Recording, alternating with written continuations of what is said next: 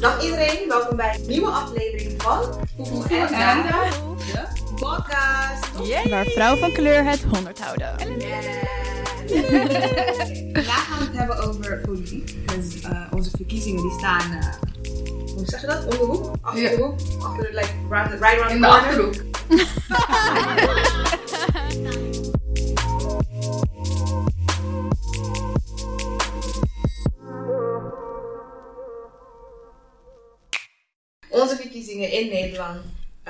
komen eraan. En natuurlijk is het van belang dat iedereen gaat stemmen. Like, let your voice be heard. En wij gaan het vandaag allemaal hebben over verschillende aspecten van stemmen, van onze verkiezingen. Um, waarom het belangrijk is om je stem te gebruiken, om je jezelf te laten horen. Specifically if you're young, please do. Want slechts 31% van onze Tweede Kamer vertegenwoordigt de jeugd van Nederland.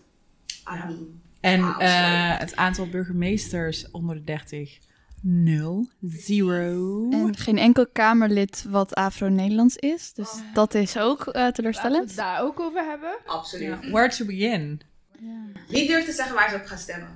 Ik. Ik ook. Ik ga bijeen stemmen. Ik ga ook op bijeenstemmen. Girl, let's go. Ik weet nog niet op wie van bijeen ik ga stemmen. Ik moet nog even inlezen in de persoon, want dat is belangrijk. Stem sowieso op een vrouw. Ik stem eh, op iemand die ik ken uit, bij, uit Oh. Eindhoven, van bijeen. En ik, Ja, I know, I know, eh, eh, ja, we gonna sh- shout out to Nial Esma Altmush.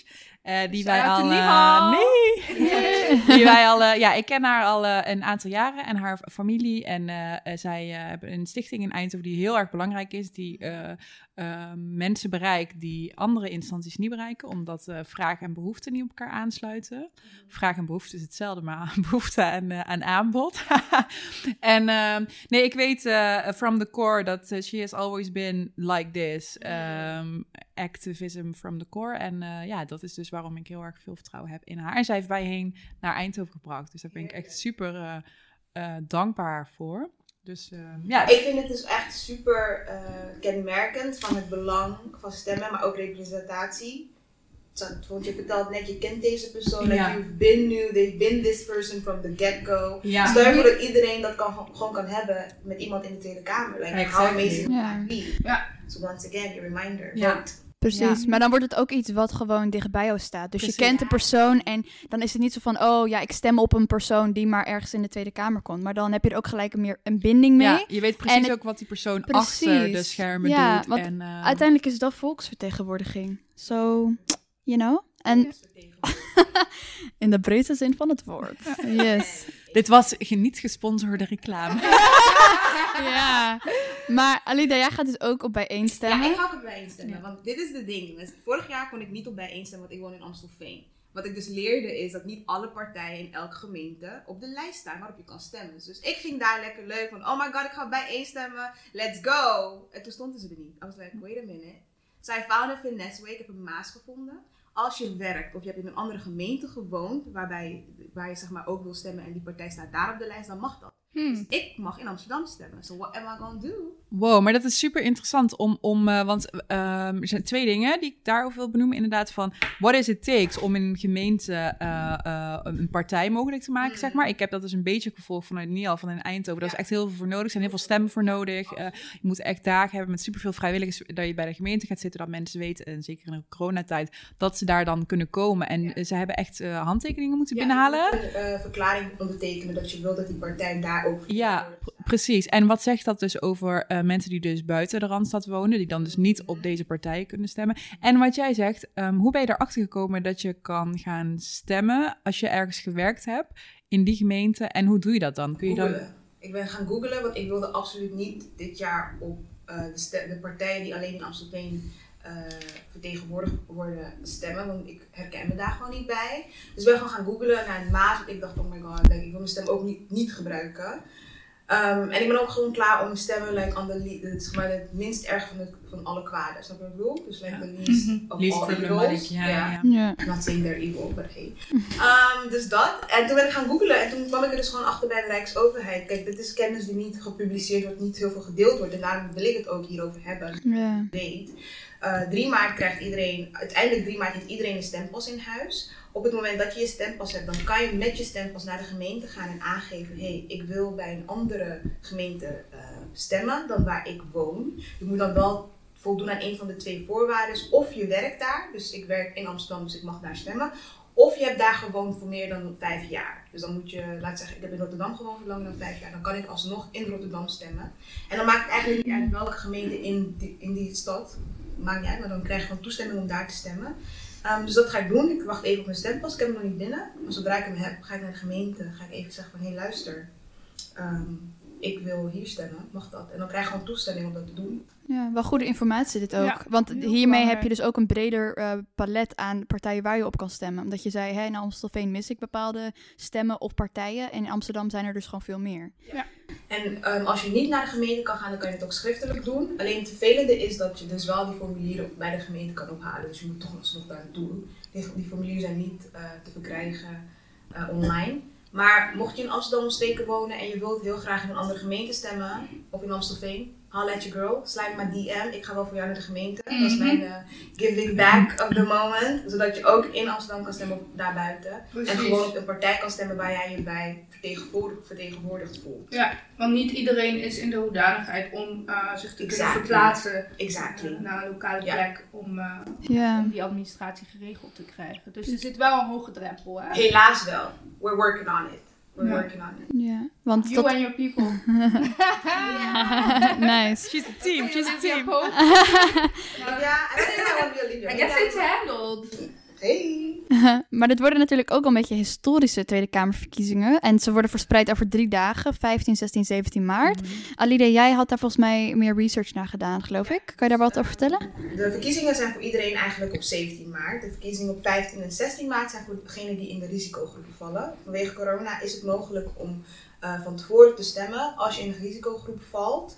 Dus als je daar aan de voorwaarden voldoet, uh, mag jij de 15e en de 14e stemmen. Ik ga even kijken vanaf wanneer dat mag, volgens mij. Uh, ja, 15 en 14. Nee, 15 en 16. Sorry, ik zeg het verkeerd. 15 en 16. Um, je kunt ook een andere machtige voor je stemmen. Dit kan tot 12 maart om 5 uur. Dan mag iemand anders voor jou stemmen. Dus dan hoef jij niet eens ergens naartoe te gaan. Of diegene kan voor jou op 17 maart gaan.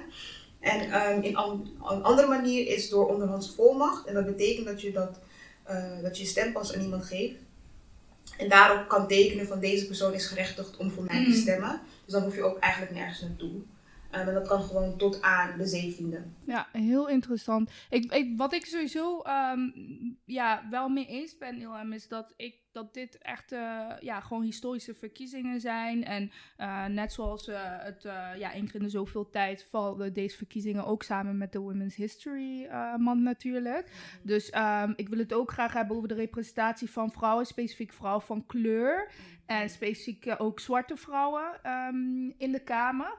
En um, ik heb daar twee gedachten over. In eerste instantie vraag me af hoe jullie dit zien. Maar ik heb wel het idee dat zeg maar, deze verkiezingen zijn historisch om het feit uh, puur en alleen al om het feit dat ze zo gedigitaliseerd zijn. Er zijn nog nooit um, ja, in gewoon uh, de human history eigenlijk zodanig gedigitaliseerde verkiezingsseizoenen uh, geweest. Overal ter wereld, hè? maar dus hetzelfde geldt voor Nederland. Mm-hmm. Dus ik zie daarin wel heel veel kansen bestaan voor zeg maar grassroots organisaties om heel veel politieke druk en op te treden als pressiegroepen op, op de politiek en politieke agenda te zetten. Dus um, ik heb wel het idee wat ik zie om me heen. Um, ik merk gewoon dat je, dat je eigenlijk krijgt dat mensen ook wel steeds meer invloed voelen op de politiek. Mm. Um, in die zin dat ze wel het gevoel hebben van... hey, ik kan agenda zetten. Ik kan via social media, via, via internet... kan ik eigenlijk mijn stem laten horen. Um, wat ik wel benieuwd naar ben, is in hoeverre dat zich ook gaat uh,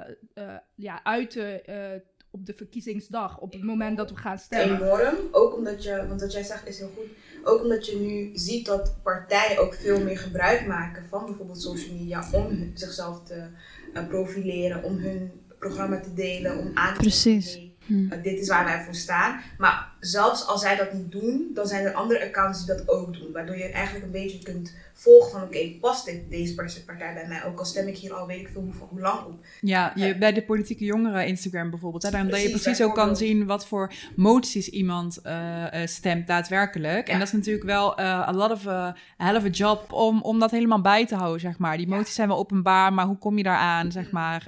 Um, ja, hetzelfde als met alle partijprogramma's lezen. Hmm. doen jullie dat of doe je dat alleen voor, of als je dat al doet voor de partij waarvan je, waarvan je overweegt om op te gaan stemmen? Mijn advies zou zijn om eerst te beginnen met de kieswijzer. Dus Mhm. doe een test. Eh, Maar is die betrouwbaar? je hebt er meerdere. Je hebt de Ja, je hebt er dus heel veel. Je hebt... Oh shit, ik heb alleen... Nee, stemwijzer.nl, die is, die is volgens mij de meest onafhankelijke. Pin me daar niet aan vast. Ja, jij hebt per thema heb je kieswijzers, zeg Oh, maar. Ehm, waar je dus op kan stemmen aan de hand van een thema dat jij dan dus belangrijk vindt. En dan kun je Mhm. kijken hoe jouw partij daarop scoort. Maar oké, Dus dat zou mijn eerste jouw- stap zijn, Ja. stap zijn, dat. Ehm, en dan vervolgens eh, partijprogramma's lezen van de partij die je fijn vindt. Alleen het lastige van partijprogramma's lezen is dat zij heel erg eh, exclusief geschreven worden. Ja. De taal Ja, die daarin gebruikt zeker. wordt is niet de dagelijkse taal Ja. die men gebruikt, helaas. Dus als je daarin dus in vastloopt, zou ik aangeven, ga dan even kijken bijvoorbeeld bij motiemeter.nl, zodat je een beetje Ja. een overzicht hebt van oké, ehm, wat staat daar nou eigenlijk in? En Ja. doen zij inderdaad wat zij zeggen te doen? Want dat is ook een ding. Want ze kunnen heel goed zeggen in een partijprogramma, wij gaan hiervoor staan. Maar met, aan de hand van een motiemeter kun je heel goed zien van oké, uiteindelijk stemmen ze er juist tegen, terwijl ze aangeven nee, we zijn ervoor. Precies. Ja. Ja. dat is een heel goed punt wat je aanhaalt. Want ik denk dat die partijprogramma's ook een soort ja, positieve Mm. eh, profilering zijn. Van goh, wij zijn als partij, staan wij heel erg voor mensenrechten of voor vrouwenrechten. En we willen dit allemaal gaan aanpakken. Eindstand, als zij in emotie dus blijkt dat, dat ze daar helemaal niet voor stemmen. Of dat ze er zelfs tegen stemmen. Wat ve- veelvuldig gebeurt. Dan kan je natuurlijk afvragen van, oh, wil ik eigenlijk wel achter deze partij eh, gaan Ja. staan? Ja. Ehm, En dat refereert wel terug naar wat. ehm, was jij dat die dat vroeg, Alida? Of jij, Cela? Over of je de, eh, de partijprogramma's leest.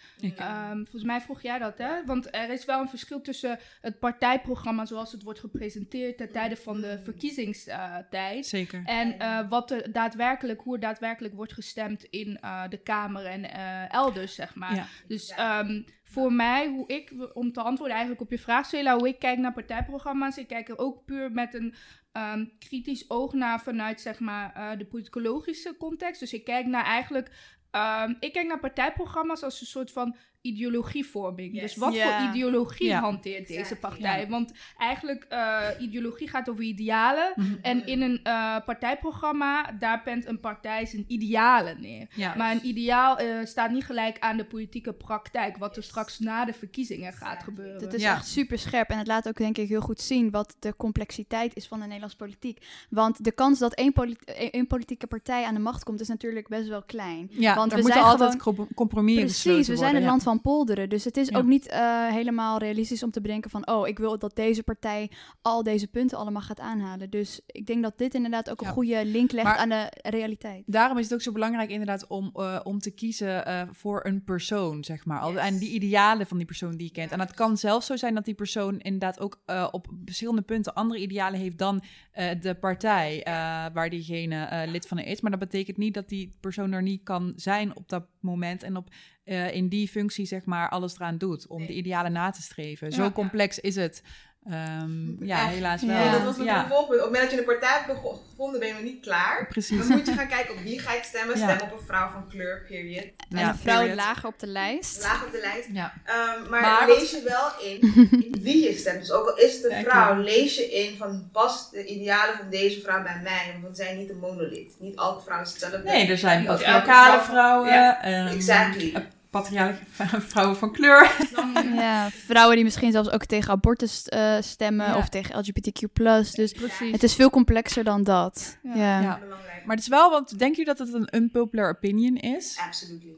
Ik denk het wel, ehm, alleen het zou het niet moeten zijn. Nee. Want juist, volgens mij, kijk, je, het begint eigenlijk als je zeg maar, eh, ik denk dat dat een aantal jaar geleden ook heel erg ter discussie is gesteld en nog steeds. Als het begint bij identiteitspolitiek, dan ga je eerst inderdaad kijken naar intersectionaliteit en naar, oké, op welke manier krijgen we zoveel mogelijk mensen die op ons lijken eigenlijk, ehm, op, eh, op lijsten, in de Kamer, in de politiek. Ehm, vanuit welke gedachte? Vanuit de gedachte dat het eigenlijk, vanuit eigenlijk eigenlijk de menselijke basis dat iemand eigenlijk vertrekt vanuit een persoonlijke ervaring om eh, beleid te maken. Omdat iedereen eigenlijk zijn eigen narratief en blinde vlek heeft. En je gaat, je gaat dan met identiteitspolitiek ga je eigenlijk kijken naar, oké, welke politici of uh, welke, welke politica, politicus kan uh, de politiek naar mijn identiteit uh, vervullen. Maar daar houdt het natuurlijk niet op. Identiteitspolitiek is maar een startpunt. Maar eigenlijk waar je naartoe wil, is een, um, is een eigenlijk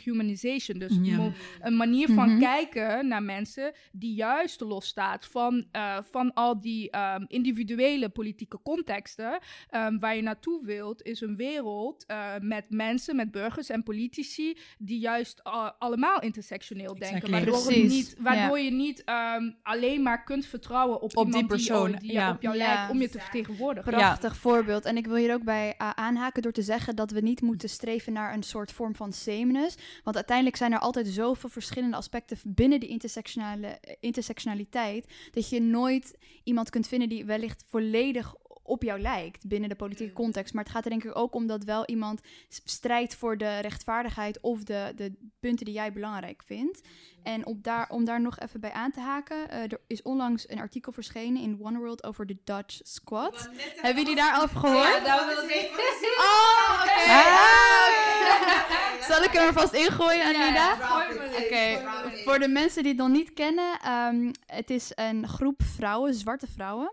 En um, wat zij basically doen is dat zij zeggen van... we willen gewoon dat het parlement divers wordt gemaakt... aangezien de helft, niet nog niet de helft van de mensen... met een niet-westerse migratieachtergrond gaat stemmen. En de Kamer kent dus ook nog geen enkel zwart parlementslid. Dus zij willen juist die vertegenwoordiging laten zien... en ook hun krachten te bundelen. Uh, en het zijn dus vier vrouwen. Uh, van D66, uh, Milka van GroenLinks... Isaura van DENK en Fatiha van uh, PvdA. Dus het zijn ook nog vier verschillende politieke partijen partijen.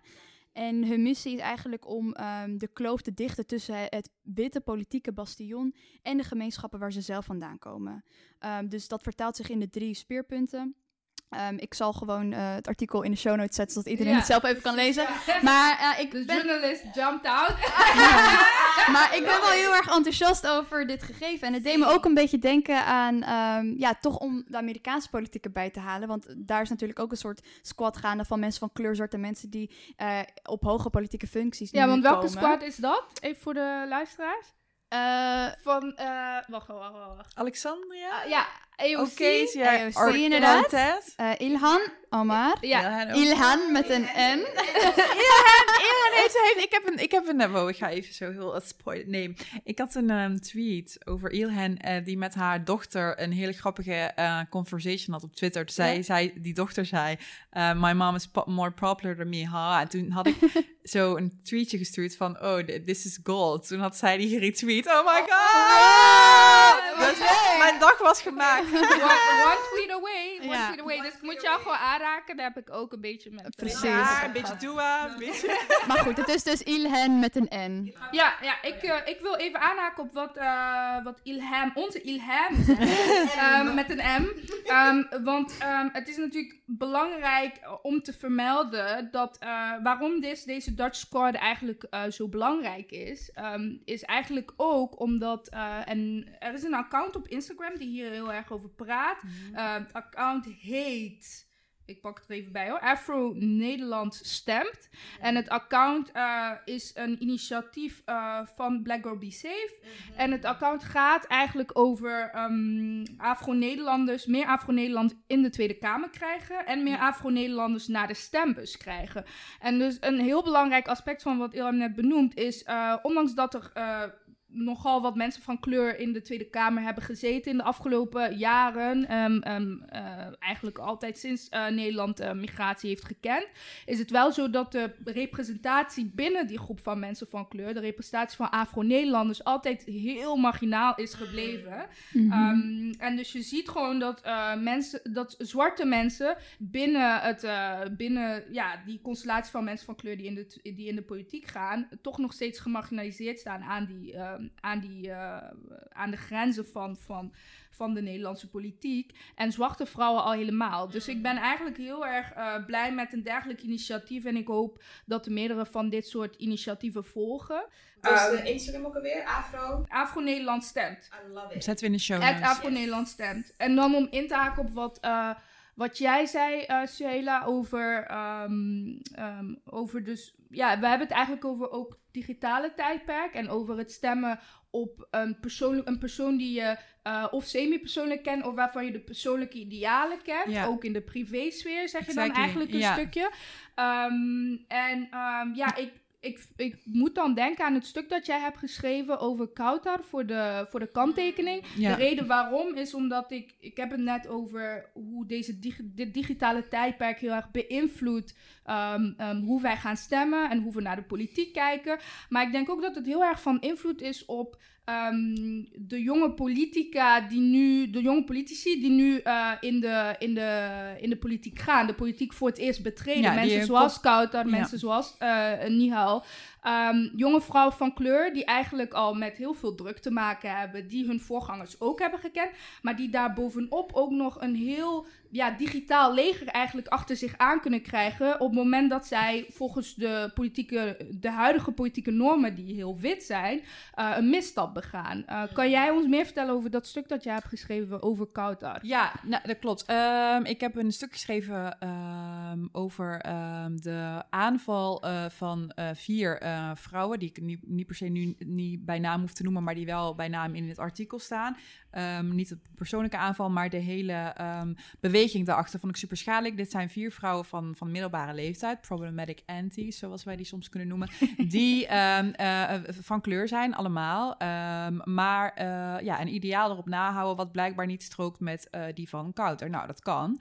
En zij waren nogal geschrokken van de, de nieuwsberichten die toen over Kouter verscheen, wat echt een backlash was, zo kunnen we dat wel gewoon noemen, over ehm, zogenaamde banden met een, met een groepering, nou, het moslim, moslimbroederschap, waar, waar niks, moslimbroederschap is gewoon een moslimbroederschap, dat zegt niks, zeg Precies, maar, maar het maar was meteen jihadistisch en eh, et cetera. Eh, deze vrouwen waren geschokt en dan kun je denken, oh, eh, oké, interessant, maar die waren vooral geschokt over dat ehm Kouter die banden misschien wel zou hebben, wat dat zou betekenen voor de zogenaamde emancipatie.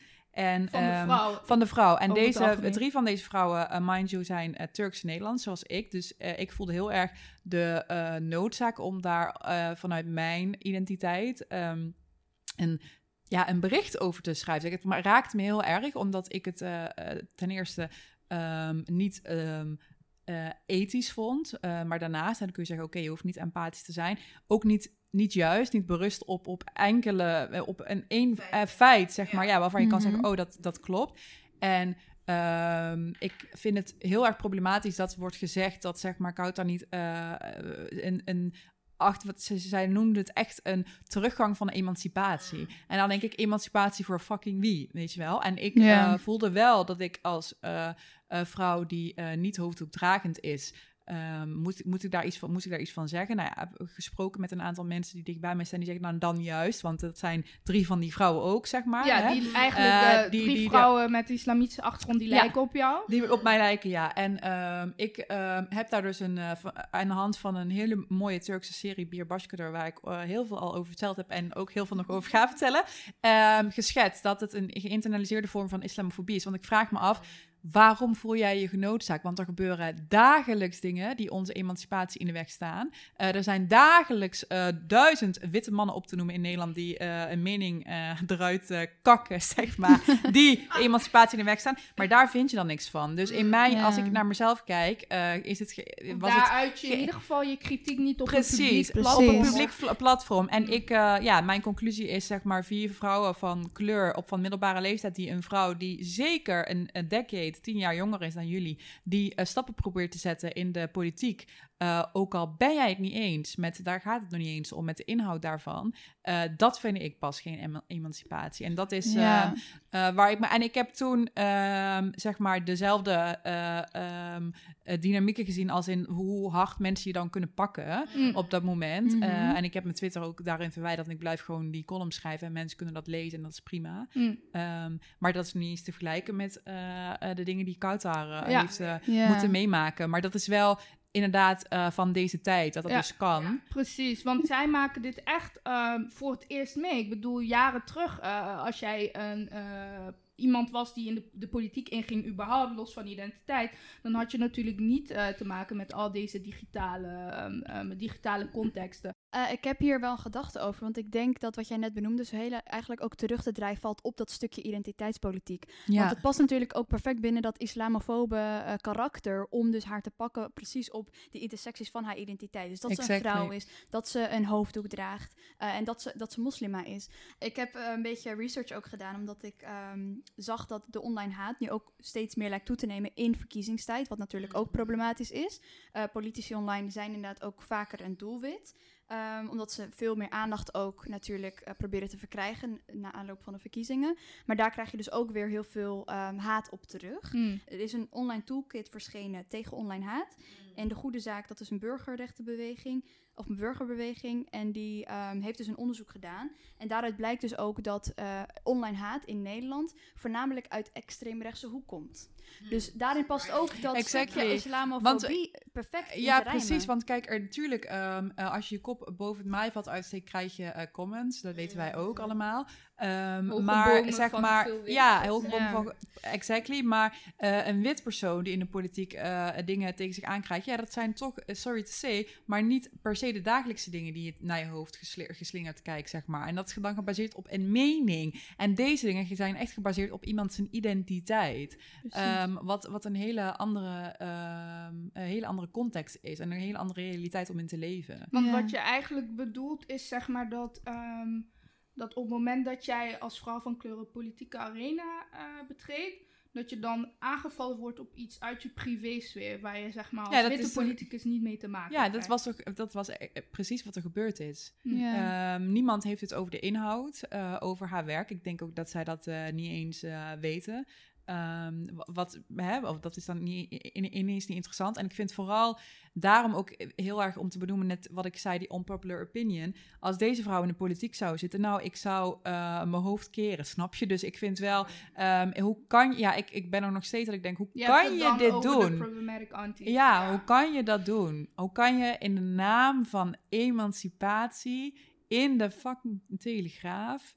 Ja, ik, ik, ik, ik Ja. kan daar niet. Eh, dat- dat- Dat gaat heel erg over wat Ilham zegt. nou dat kun je dus ook niet ontkennen, sorry, dit is dan wel meer weer mijn persoonlijke Ja. mening, dat je dus weet dat je in een omgeving zit die islamofobisch is. Want waarom Mhm. ra- raakt dat jou? Dat is de vraag die ik zou Ja. willen stellen. Ja. Een emancipatie die eruit moet zien als jouw emancipatie. Exactly. En dat geen feminisme. Exactly. Yes, al de snaps. En also, waarom moeten we die westerse standaard opleggen? Of dat westerse feminisme? ehm, we leggen een bepaalde ehm, standaard op, een dubbele standaard, naar in dit geval moslimvrouwen. Omdat zij basically onze savior nodig hebben, want waarom draagt ze een hoofddoek? En dat komt dus ook weer neer op een soort van, ja, emancipatie die juist zorgt voor bepaalde onderdrukking. Want die Ja, vrouw zij ligt onder niet- een vergrootglas. Dus, eh, en niet dat ze dan denken, oh nou, oké, ik ben het hier niet mee eens, kan. Ik ga naar die andere vrouw, eh, die wel of niet een hoofddruk. What? Weet je ja, wel? want het gaat ook om die representatie. Want uiteindelijk zijn het juist dit soort vrouwen die gemarginaliseerd zijn of uit gemarginaliseerde groepen komen,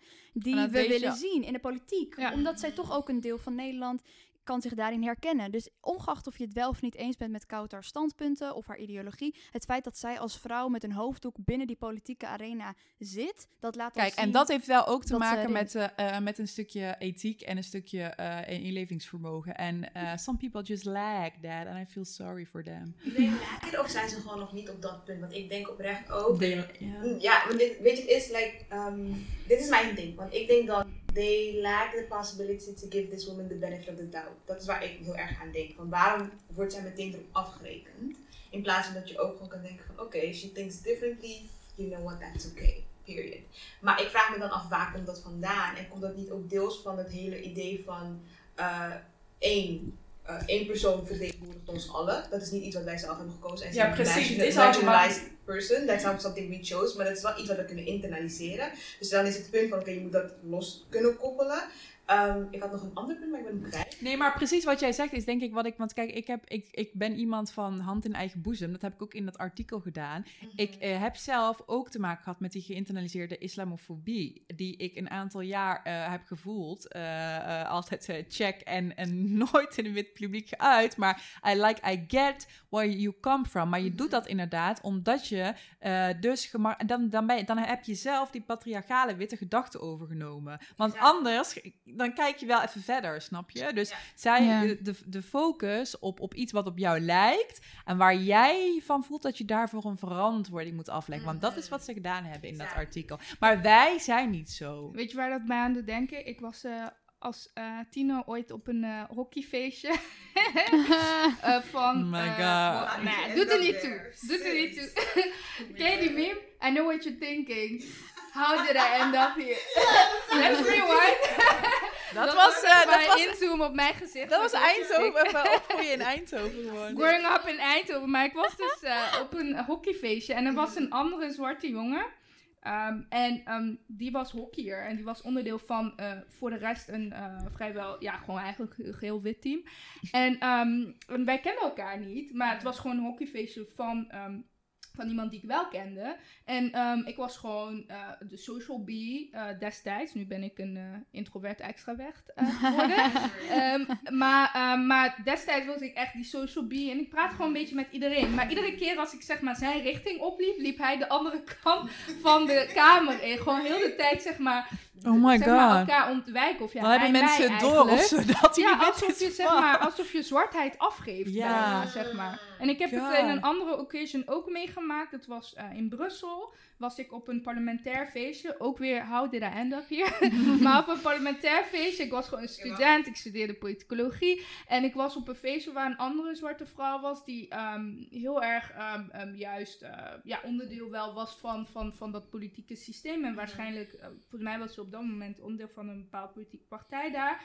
En ehm, ik wilde ook met haar netwerken, maar daar gebeurde ook weer hetzelfde. Dat je zeg maar echt bang bent van ehm, dat je zwartheid afgeeft. En ik denk dat dat wel ingaat op eh, dat geïnternaliseerde ehm, eh, gevoel van... Hey, Self-hate. deze persoon, we weten dat, eh, dat de witte blik eh, ziet deze persoon als onze representator. Ja. Dus laten wij ons vooral uitspreken en er afstand van nemen. Hè? Ja. Want er wordt van Hè, als er een, een aanslag is, wordt er van eh, moslims gevraagd om afstand te nemen Mhm. van een andere, eh, van een andere islamitische persoon. En dat soort, dat soort dynamieken zie je zeg maar ehm, ehm, heel vaak terug. En, ehm, en dat doet me dus heel erg denken aan die tijd. En dat doet me ook denken aan een gesprek eh, dat ik heb gehad met een vriendin. Ehm, als toen je op de middelbare school was en je zeg maar vrienden had in de pauze die misschien niet per se bij jou in de klas zaten, maar dat waren allemaal mensen van kleur, van Girl. een andere Wij achtergrond, waren dat. Hè? Maar dat was dan je just- pauzegroepje, toch? Dat was, dat was dan gewoon je pauzegroepje, toch? Absoluut. Maar het was vaak zo dat zeg maar dat pauzegroepje, zeg Mhm. maar, vergeleken met een ander groepje, bijvoorbeeld witte klasgenoten, ehm, dat pauzegroepje was een groepje allochtonen bij elkaar. Mhm. Mhm. En dat andere groepje, als je bij dat witte groepje een ehm, zwarte persoon erbij zou plaatsen, bijvoorbeeld wat bij mij vaak gebeurde, dat ik dan weer onderdeel was van een, zwart club, eh, van een wit clubje, dan was het opeens divers, zeg maar. Mm. Dus diversiteit is als er eh, diverse stemmen aanwezig zijn in een witte ruimte. Exact. Diversiteit Ja. is niet allemaal mensen Behalve van wit. kleur met diverse stemmen en narratieven. Ik Maar ook, al- ze kunnen er wel aanwezig zijn, maar als hun stemmen niet even zwaar meetellen, dan heb je er alsnog helemaal niks aan. Maar ik vind het wel mooi, die ehm, ehm, vergelijking van eh, de basis- of de middelbare school met de politiek. Want let's face Ja. it, it's, it's the Daar same. begint het wel. That's the Still- we're politics. still in We're high still, school. ja. Ja. That's the tea. That's the tea period. That's the tea period. And, and uh, we were like, uh, we were... But wij, Ja, wij waren, het wij waren de, eh, de niet-populaire kinderen waar de populaire kinderen wel mee wilden omgaan. En we're still there. Preach. ja, Story of my life. Nee, maar ik heb echt dezelfde ervaring met de hele ehm, high school. Dat je een groepje hebt, zeg maar, in de pauze inderdaad. Ik zie het gewoon echt voor me. En een van mijn beste vrienden till this day is one of those girls. Like, oh, I survived high school uh, by the grace of them. ja. Obviously. Maar dat is wel iets waar ik eh, eigenlijk nooit bij stil heb gestaan. Maar hoe je dat zegt, van ja, wij waren niet allemaal monolith uh, uh, zwarte mensen. Of überhaupt, I don't even think they were, we were no, we weren't all black people, mm -hmm. we were people of color. Mm -hmm. Maar dat werd, werd gezien als het zwarte groepje. Terwijl ja. op het moment dat ik me buiten die groep begreep, dus ik zat bijvoorbeeld ook um, in het Model European Parliament. Like, how did I get here? Model European Parliament. Oké, okay, come through. Wat is het met, met, met al deze ruimte? Water, gang gang. like, How did I get gewoon, How did I get dat, is gewoon, dat is gewoon de story of uh, random uh, childhood. is gewoon prestatie, prestatie, prestatie. dat is door running out of Nee, maar dat is... En als ik me daarin begaf of zo, en dat is ook heel interessant. Kijk, ik heb wel een andere ervaring als jij gehad dan daarin. Dat ik dus niet zozeer had dat zwarte uh, vrouwen of zwarte mensen mij, um, mij zeg maar dat ik ze moest chasen of zo. juist dat ik weer dat groepje vond.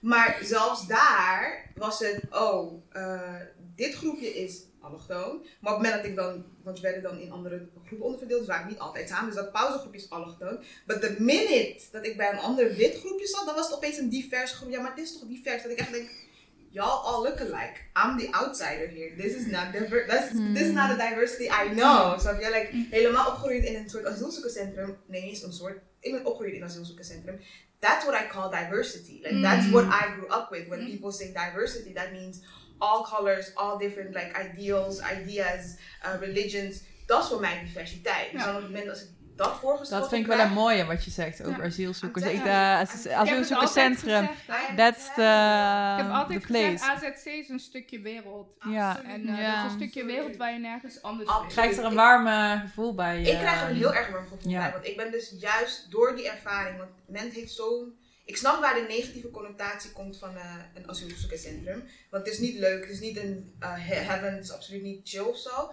But like the privilege that I had of growing up there as a child, um, heeft voor mij heel veel deuren geopend en ook mijn, mijn horizon. Dus bijvoorbeeld, komend, komend van Rwanda wist ik niks over de islam. Maar door daar te wonen ben ik meegenomen naar tempels, naar moskees. Mm -hmm. Ik mocht meedoen met um, suikerfeest, ik mocht meedoen met Ramadan al deze verschillende werelden, maar ook het idee van oké, niet elk um, Midden-Oosten, land uit het Midden-Oosten is per se islamitisch. Snap je? Dus ik had mm. vriendinnen die daar vandaan kwamen, die en christelijk waren, mm-hmm. en islamitisch waren, en atheïst. En, dan yeah, en dat leefde gewoon lekker naast elkaar. En I, honestly God, I still miss it sometimes. That was that, like, a gem from my childhood. Like, yeah. 30 children from everywhere. I did everything. Dat heb jij ook wel eens gezegd, hè? Chris? I'm telling you, it was, a, it was lit. Toen ik mm. zeg maar eruit moest en we kwamen in Amsterdam, was voor mij een schok eigenlijk. Dat was de, ja. dat was de en eerste uh, cultuurschok van mijn leven. Wow. Was, begon na het AZC.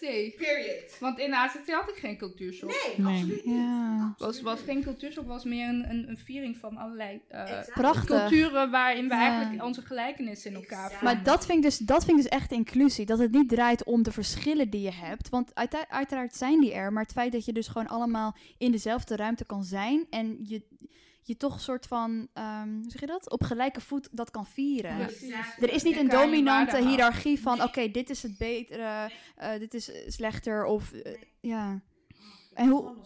Ja, ja. En als jullie dat zeg maar terugkoppelen, dus dat gevoel wat je um, wat jullie hebben als je terugdenkt aan je jeugd in zo'n opgroei in AZC en dan het politieke speelveld van nu. Wat zijn dan punten die je daaruit haalt of dingen waarvan je denkt, oh, ik hoop dat dat wordt doorgegeven? Mm. Ik denk, als ik echt eerlijk ben, like de, de glass half full, positieve uh, sunshine, everything of me is like, dat is eigenlijk het ideaal wat ik zou willen zien in de politiek. Like, letterlijk de, de regenboog waarmee ik ben opgegroeid als kind, omdat um, ik heb me nooit niet thuis gevoeld in een asielzoekerscentrum. ik word echt emotioneel, maar ik heb wow, me nooit ik word ook emotioneel hiervan. In een asielzoekerscentrum, omdat er altijd wel een deur voor me open stond en er was altijd ruimte om mezelf te zijn. Um, tot het punt van, kijk, als je in een asielzoekerscentrum gaat wonen, dan ga je eerst naar de Nederlandse school om de Nederlands te leren. Dus dan zit je daar met al die kinderen daar vandaan. En dan pas ga je naar een quote-unquote Nederlandse school. Dat was voor mij eigenlijk de eerste keer dat ik dacht, oh, ik ben anders. Dus oh, um, waar ik woon is niet normaal. niet iedereen is zo divers. Niet elke plek waar ik vandaan kom. Dat was eigenlijk de eerste keer dat ik de enige witte, oh nee, de enige zwarte kind was in een witte ruimte. Moet je nagaan. En ik was volgens mij 7 of 8. Dus dat betekent dat ik best wel een hele lange tijd heb kunnen opgroeien met alleen maar mensen die of op mij leken of allemaal divers waren, maar we waren verschillende op elk, verschillende vlakken. En dat mocht. Dat was, daar was ruimte voor. Ehm, dus ik zou heel erg graag willen dat het politiek daarop lijkt. If I'm being realistic, wat ik de idealen en Maar realistisch. eh, ook dus de hoop, de, de, de positive, ehm, hoe zeg je dat?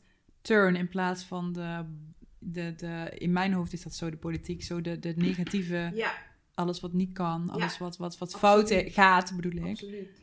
Absoluut. En ik denk ook dat ik zou willen dat, tenminste als ik, zou, als ik nu naar alle politici zou toespreken die nu in de Tweede Kamer zou zitten, zou ik hopen dat ze begrijpen dat ehm, er is genoeg voor iedereen. It's not a of-of. Het is niet van de ene krijgt de recht, dus de andere recht mag er niet zijn. Of de ene krijgt de kans, dus de andere kans bestaat niet meer. Ik denk oprecht dat er gewoon genoeg ruimte is voor iedereen en genoeg plek is voor iedereen. En ik denk ook dat het belangrijk is om dat eh, eh, te doen als volksvertegenwoordiger. Als, je vertegenwoordigt een volk en je wilt heel graag dat het, dat het representatief is als wat het volk eh, ervaart of meekrijgt. Nou is dat helaas nog niet zo, maar dat is wel het streven dat ik heb. En hoe, hoe fijn zou het zijn als dat zo'n zo'n belangrijk aspect van onze maatschappij dat ook representeert en reproduceert. Hmm. En dus ook vaker stilstaat, want eh, I really miss conversations about this. Mm. Snap je? de jongeren die daar opgegroeid zijn. ehm, ik, ik heb er twee jaar gewerkt, maar die verhalen ja, die, die jij ook vertelt, zo, die, die raken mij echt. En ik eh, eh, really miss that representation in our media en ook in our eh, Wow. social en popular media. Ja, Als ja. ik dit zo hoor, dan denk ik echt, we hebben gewoon veel meer em- empathie nodig, eigenlijk. Dat that's what it is. Dat is het gewoon. Het gaat erom dat je die persoonlijke verhalen of En, die en particuliere belevingen, zoals eh, dat eerder werd genoemd, dat dat, dat, is ook... even voor, voor de luisteraars. Oh, ja. Particuliere belevingen zijn belevingen die alleen mensen van kleur meemaken. Want die zijn dan, die zijn dan zeg maar ge, ge- gestold op, op, op je ervaring. Alsof witte mensen geen particuliere... Ja, precies. Ja, Maar, maar eh, Chris, wat zijn jouw... eh, wat wil jij daarover zeggen nog? allemaal ogen naar mij gedraaid.